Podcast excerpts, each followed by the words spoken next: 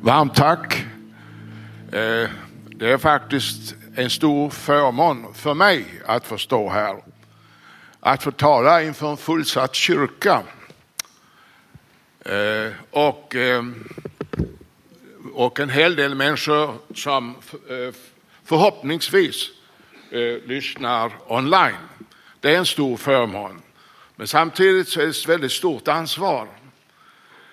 Eh, en talarstol i en kyrka, inte så nära, en talarstol i en kyrka är eh, en helig plats.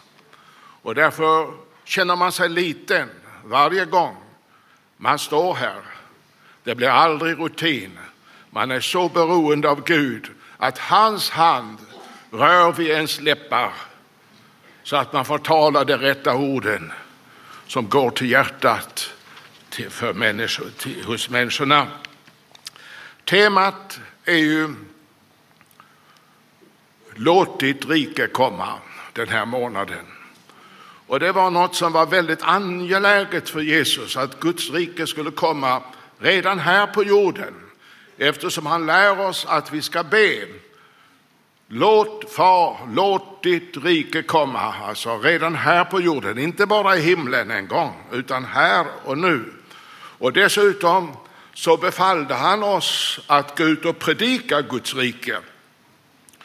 Och det är ju det jag ska försöka göra nu. Va? I eh, Lukas 9 och 20 står det. Lukas 9 och 20. Eh, att han sände dem ut. Ska vi se här. Eh, ja, 9 och 2, förlåt mig. Ja. Det står att eh, han sände ut dem för att förkunna Guds rike och bota sjuka. Så det var alltså ett huvudtema Jesus hade, det här med Guds rike. Och, men då frågar man sig, vad är då Guds rike? Det är det jag ska försöka förklara idag. Först vad Guds rike inte är och sen vad det är. Och då ska vi slå upp eh, Romarbrevet 14 och 17. Romarbrevet 14 och 17 där Paulus presenterar vad Guds rike är och inte är. Så här står det. Låt oss äh, där. Äh, Guds rike är inte mat och dryck utan rättfärdighet och frid och glädje i den helige Ande. Det är så aposteln Paulus eh, definierar Guds rike. Först då vad det inte är, mat och dryck. Varför säger han det då? Jo, därför att mycket av den tidens religion handlade om om jag äter viss slags mat blir jag bättre inför Gud. Och eh, det är inte bara på den tiden, utan också vår tid, så tror jag flesta religioner i världen lägger väldigt stor vikt på vad man äter. Både buddhismen, hinduismen inte minst och islam. Alltså du blir en bättre människa inför Gud om du avstår viss mat och äter annan mat. Men det inte, handlar inte om Guds rike, det är religion. Så här säger Paulus Eh, om det i första Korinthierbrevet 8 och 8. Men det är inte maten som för oss närmare Gud. Äter vi inte så blir vi inget, så förlorar vi inget. Och äter vi så vinner vi inget. Alltså,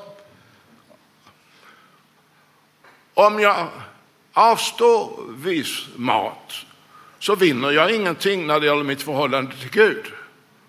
Och eh, äter jag då viss mat, då kommer jag inte liksom närmare Gud. Det, för det fanns alltså vissa eh, tankar även i församlingen som kom in ifrån tänkandet från andra religioner att maten har en viss en vikt eh, för mitt förhållande till Gud. Men det säger Paulus, det har det inte. Och även i Hebreerbrevet 13 och 9 står det precis efter den här välkända versen att Jesus Kristus är densamme igår, idag och i evighet. Och vad står det sen? Jo, vår inre styrka beror av Guds nåd och inte av en viss sorts mat. Varför det då? Därför Jesus säger att maten vi äter går inte ner i hjärtat utan hamnar i magen och sen ut på något visst ställe. Därför kan inte maten påverka mitt förhållande till Gud, utan det enda det påverkar är i så fall min kropp. Titta nu inte på mig, va? ja.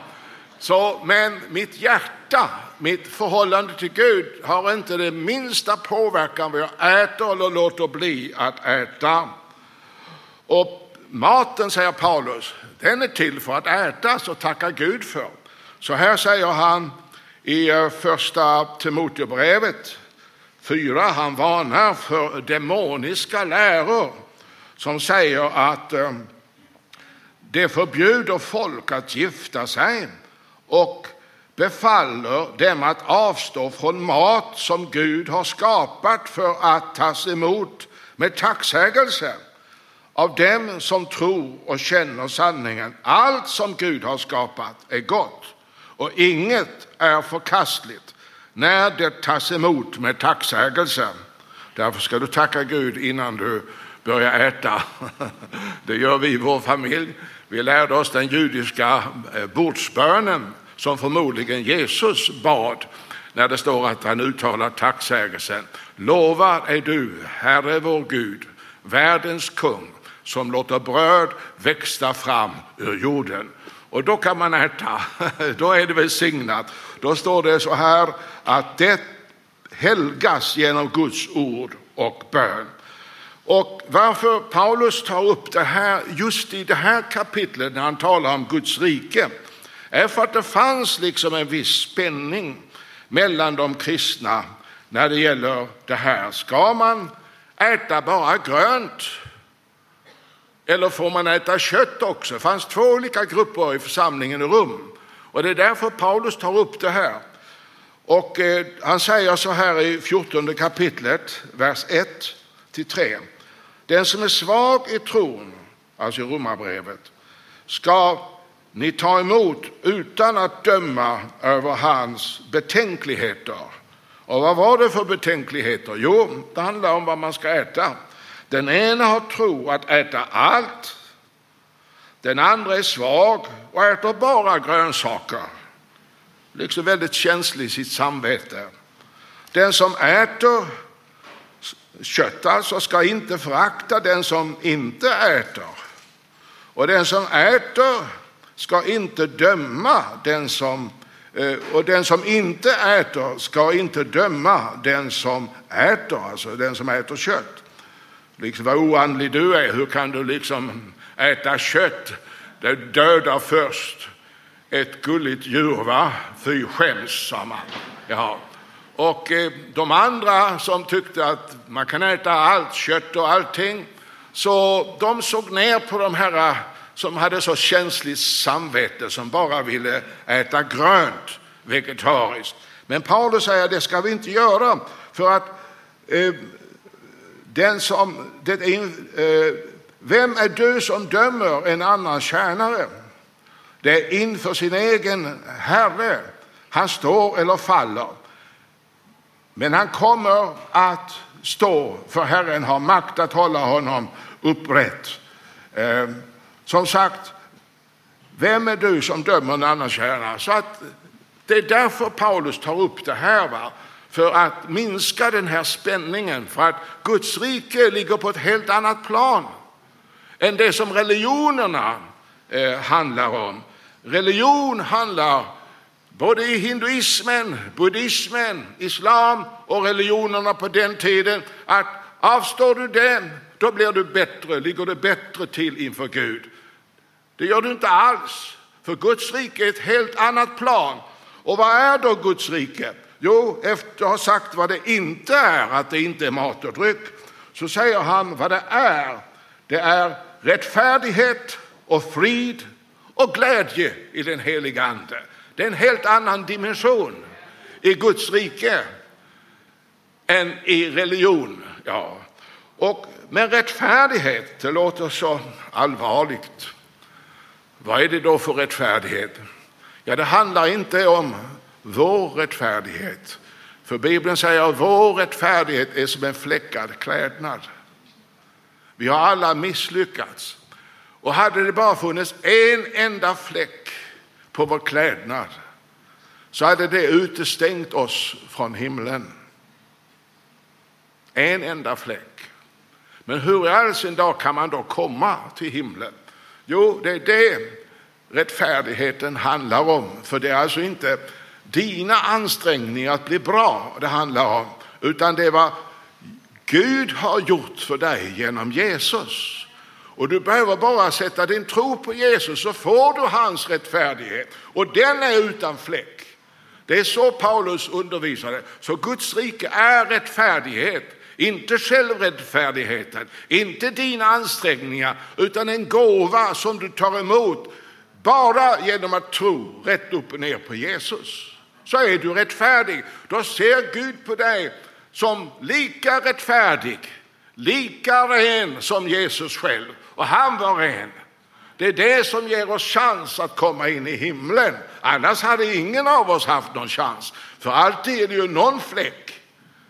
Alltid, alla har vi gått vilse på olika sätt. Va? Så därför måste, för att komma till himlen måste vi ta emot en annan rättfärdighet som Gud ger som gåva eftersom han vet att vi inte klarar av att leva upp till standarden. Så har han ordnat det istället. Han sände sin son att bli människa och då fick han utstå alla slags frestelser. Men han klarade det. Inte en gång trampade han snett. Och därför när vi sätter vår tro på honom så får vi hans rättfärdighet. Så här läser vi, då läser jag från Romarbrevet 3, så du inte tror liksom att jag har hittat på det här, utan jag bara talar om vad Bibeln talar om vad Guds rike är. Så här står det i Romarbrevet 3 och först i vers 22 till vers eh, 24. En rättfärdighet från Gud det är alltså från Gud det här. Men hur får jag tag på det då? Jo, genom tro på Jesus Kristus. För alla som tror, det är det enda det behöver göra. För alla som tror. Ja. Och här finns ingen skillnad. Alla har vi syndat och saknar härligheten från Gud. Och det, det som alltså har syndat, det förklaras rättfärdiga som en gåva av hans nåd därför att de är friköpta av Kristus Jesus. Och så vers 28. Vi hävdar nämligen att människan förklaras rättfärdig genom tro utan laggärningar, utan dina ansträngningar så kan du bli lika rättfärdig som Jesus. Bara att du sätter din tro på honom. Är det inte fantastiskt? Och eh, det är så annorlunda med, mot religion. Det handlar om prestation och så vidare, vad jag ska i, i, liksom uträtta. Liksom hurra vad bra jag är. Men Guds rike handlar om hur bra vad Jesus är. Det är bättre. Ja. Och så här Eh, så här står det i eh, fjärde kapitlet, så fortsätter Paulus på det här temat i vers 5. Han säger, eh, men den som utan gärningar, observera nu här, utan din prestation, va? men den som utan gärningar tror på honom som förklarar den ogudaktiga rättfärdiga, alltså till och med Ogudaktiga människor kan bli rättfärdiga i Guds ögon. Ja. Och, eh, men den som utan gärningar tror på honom som förklarar den ogudaktigt rättfärdiga, han får sin tro tillräknad som rättfärdighet. Tack gode Gud Det betyder att alla har vi chans att stå rena inför Gud utan fläck. Bara tro på Jesus. Lita på vad han har gjort för dig. Det är det som Guds rike handlar om. Inte det som religion handlar om. Ät inte det, för då så ligger du inte bra till. Nej, Guds rike är på ett helt annat plan. Och eh, så fortsätter han i vers 5. Därför, eller vers 6, därför uttalar också David sin salig prisning över den människa som Gud tillräknar rättfärdighet. Utan gärningar kommer det här igen. Så Paulus han drar det om och om igen det där. Tro utan gärningar. Ja. Och saliga de som fått sina brott förlåtna, sina synder övertäckta. Salig är den som Herren inte tillräknar synd. Det är det som Guds rike handlar om. Rättfärdighet, inte massa matregler som eh, eh religion handlar om. Och när du inser detta med ditt hjärta, då blir du inte rädd för Gud mer. Du får frid. Liksom Gud gillar mig som jag är. Men jag känner ju inte liksom att allt är perfekt. Nej, men du är i Guds ögon är du perfekt om du tror på Jesus. Så perfekt så att du kommer in till himlen. Bara med din tro på Jesus. Och eh, som sagt, i kapitel 5, vers 1 så står det då, när vi nu har förklarats rättfärdiga av tro, då har vi frid med Gud genom vår Herre Jesus Kristus. Ja. Så att då är jag inte rädd för Gud mer. Jag upplever inte Gud som ett hot liksom mot mig. Utan jag har frid. Guds rike består av rättfärdighet och frid. Ja. Och, eh, och jag vet liksom att jag ligger bra till hos Gud nu. För att jag tror på hans son Jesus Kristus. Därför är inte Gud mot mig mer. Han är för mig. Han står vid min sida. Och så fortsätter Paulus i kapitel 8, vers 31 så här. Och han säger, vad ska vi nu säga om detta? Om Gud är för oss, vem kan då vara emot oss? Då är du ju i majoritet. va? Om Gud är för dig, ja. Och vers 33. Vem kan anklaga Guds utvalda? Gud är den som friköper. Ja, så du ligger bra till hos Gud därför att han har friköpt dig från dina synder. Bara genom att du har tagit emot Jesus. Det är det Guds rike handlar om. Inte massa krångliga religionsregler. För religion det handlar om bara egentligen om vad bra jag är. Va? Det skapar en stolthet hos människan. Och det står så här i Kolosserbrevet eh, 3 om religion. Och då säger Paulus så här i Kolosserbrevet 2 är det ja. Han talar i vers 22. Han talar om reglerna att smaka inte det där, rör inte det där. Och så fortsätter Paulus. Allt detta gäller sådant som ska användas och förbrukas.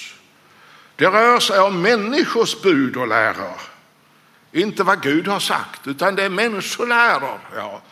Och visserligen ser det ut som vishet, som självvald fromhet, ödmjukhet och späkning av kroppen. Tänk på många religioner som har det här med späkning av kroppen för att ligga bra till hos Gud. Ja. Och, eh, men det har inget värde. Va? Vad synd om dem. Ah, de anstränger sig så, så har det ändå inget värde inför Gud. Utan vad ger det? Det tillfredsställer bara det kötsliga sinnet. Vad bra jag är. Jag har presterat jättebra nu. Nej, det är religion. Det är motsatsen till Guds rike som sagt. Och vad mer då innehåller Guds rike? Jo, glädje. Men det är ju inte så lätt. Det är så mycket bekymmer som kommer på och pressar på. Jag tror alla. Är det någon som inte har varit bekymrad någon gång? Det har vi väl alla då. Men hur man gör det verkar ju jobbigt vad Paulus säger att vi ska glädja oss alltid. Nu slår vi upp Filipperbrevet 4 och vers 4. Gläd er, er alltid i Herren. Än en gång säger jag gläd er. Men det vet jag inte om jag klarar.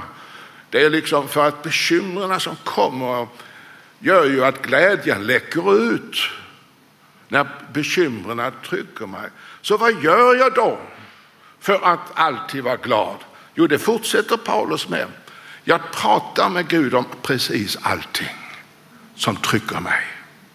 Jag håller ingenting undan. Och på det viset så avlastar jag bekymret på Gud.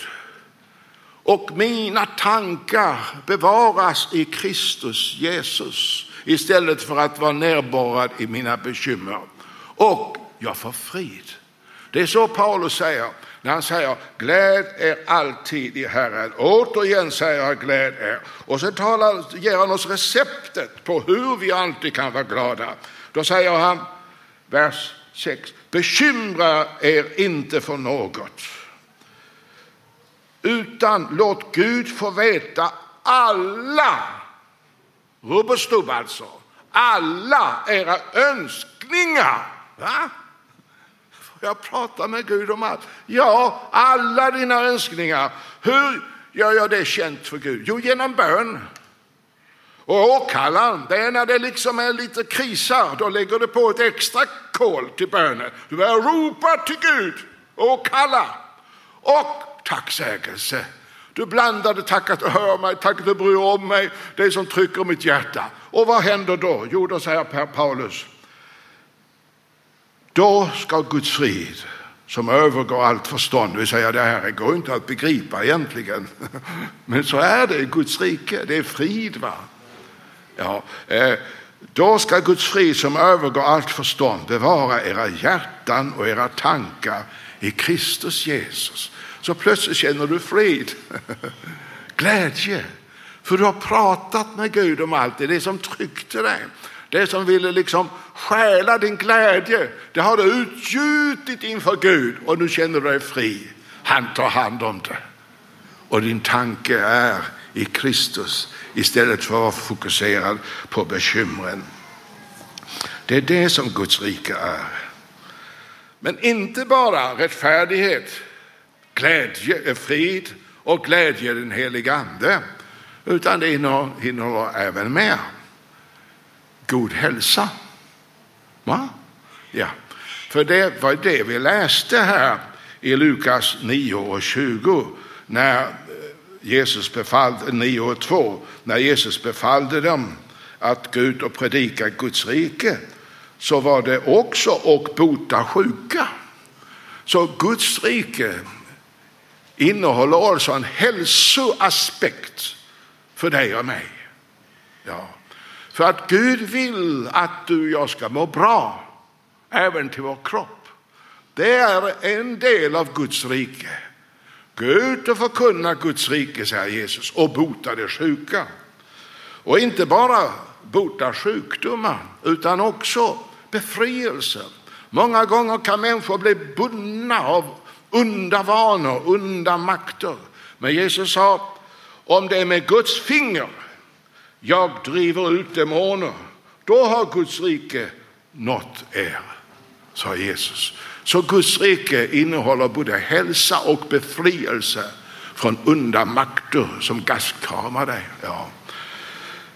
Nu är det så, Guds rike, var är det någonstans? Ja, Jesus svarade på det i eh, Lukas 17. I Lukas 17. Man kom till Jesus med den här frågan då vers 20.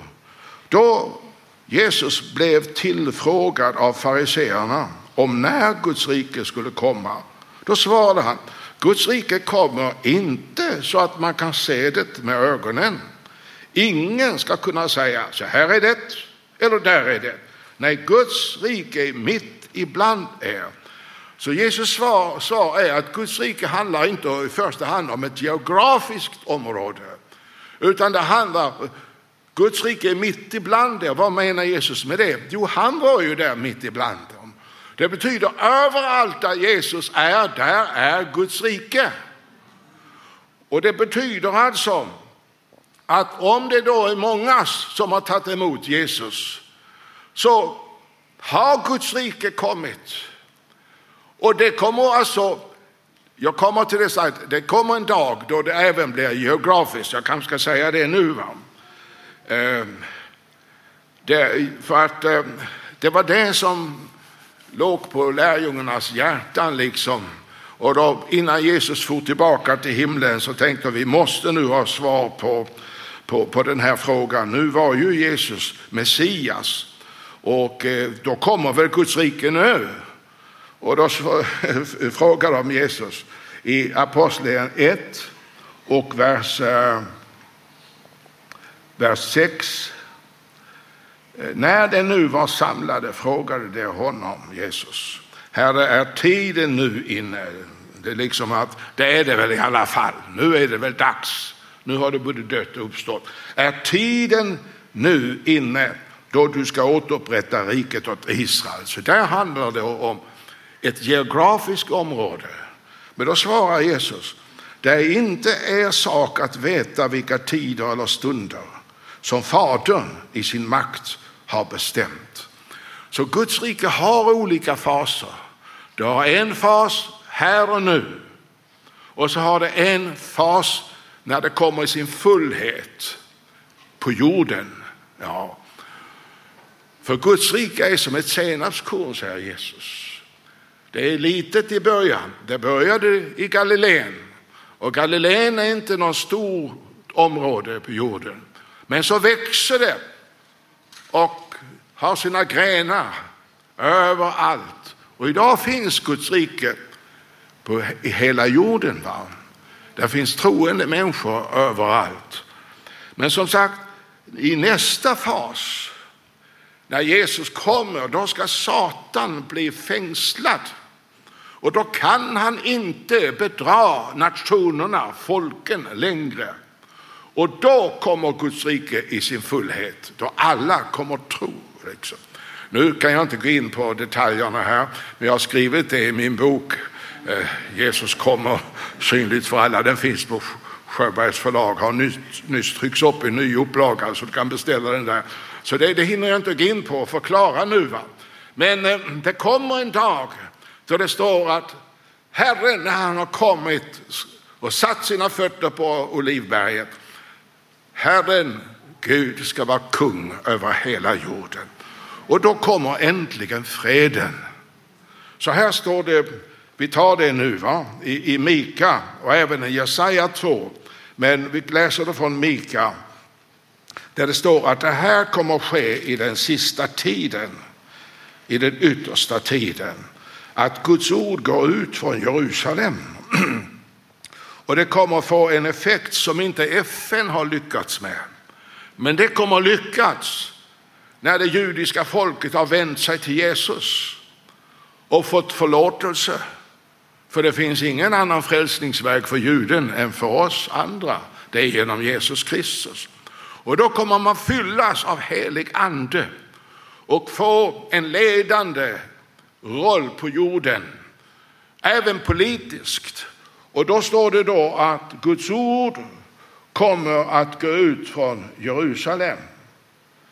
Och det kommer få följande effekt, att då ska det smida sina svärd, alltså vapen, krigsredskap, till plogbillar, till jordbruksredskap.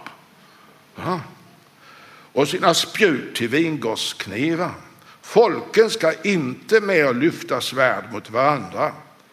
Ja, men det är bäst att ha liksom en reservarmé i alla fall, ifall, fall, ifall att. Va? Nej, och inte mer öva för krig. Utan var och en ska sitta under sin vinstock och sitt fikonträd utan fruktan. För så har Herren Sebot, Sebas mun talat. Är det inte mysigt? När den tiden kommer så sitter man i sin trädgård och myser. Och när man sätter på nyheterna så är det aldrig liksom, nu har det blivit krig där. Nu har det blivit en jordbrävning där, eller nu svälter folken där. Inga dåliga ny nyheter mer. Den tiden kommer när Guds rike kommer i sin fullhet. Men, och vi måste ha klart för oss att just nu så är Satan inte i avgrunden, utan han har kommit ner till jorden och han är fullständigt rasande, står det.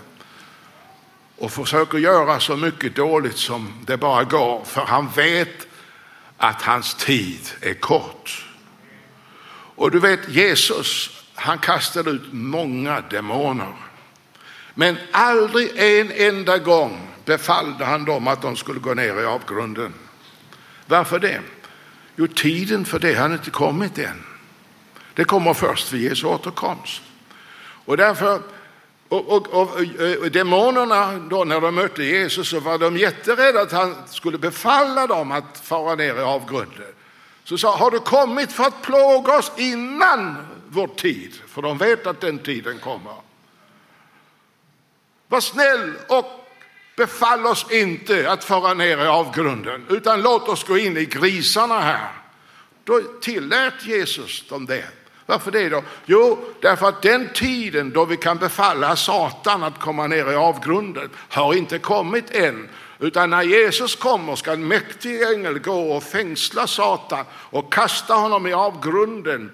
Och då kan han inte eh, bedra folken mer. Och då kommer den här mysiga tiden då man sitter i sina trädgårdar, sätter på nyheterna. Bara bra nyheter för hela slanten. Så det kommer. Så, men Guds rike kommer i olika faser. Men redan nu, och det är viktigt jag säger nu, va? inte minst med tanke på det val vi har gått igenom. Att redan nu, om det finns tillräckligt många människor som har Guds rike i sig, för överallt där Jesus är, är Guds rike. Då påverkar det också nationen och levnadsstandarden. Jag ska ta ett exempel här. Ta Sydkorea och Nordkorea. Det är samma geografiska område, halvö. Men livet för människorna är så totalt olika. I Sydkorea när Anna-Stina och jag åkte bil en kväll i Seoul, Sydkorea, så såg vi lysande kors överallt. Det såg ut som om att det finns en kyrka i varje kvarter. Och de kyrkorna bär också. Och du ser vilken effekt det har fått på Sydkorea. Man har god standard, man har frihet, man har mat att äta. Men ta då Nordkorea som är samma geografiska område. Där har man inte tillåtit Gud, utan där är det ledaren som är Gud och ska tillbedjas. Och då svälter folk. Folk har ingen frihet och folk har inte mat. Ser du vilken skillnad? Och detta handlar alltså om nu, innan Jesus har kommit. Så om det är tillräckligt många människor som har tagit emot Guds rike, då får det en impact ett, ett, ett, då påverkar det också nationen som sådan. Att det blir bättre levnadsstandard, det blir frihet och folk mår mycket bättre. Det är därför Paulus redan nu den här tiden ber att vi ska be för alla som har makt. Varför det då? Jo, så att vi kan föra ett lugnt och stilla liv på ett värdigt och gudfruktigt sätt. Paulus skulle inte säga det om inte det går att få uppleva nu. Så det beror på oss troende. Ja.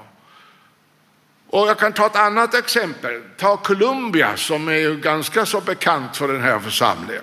Där finns stora, starka församlingar.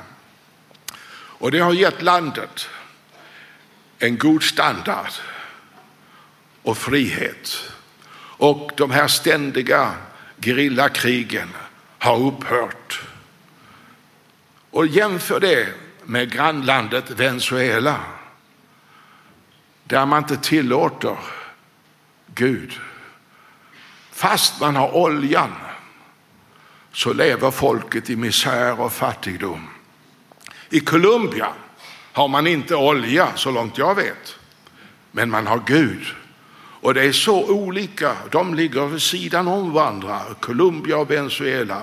Där ser vi vad Guds rike kan göra redan här och nu va?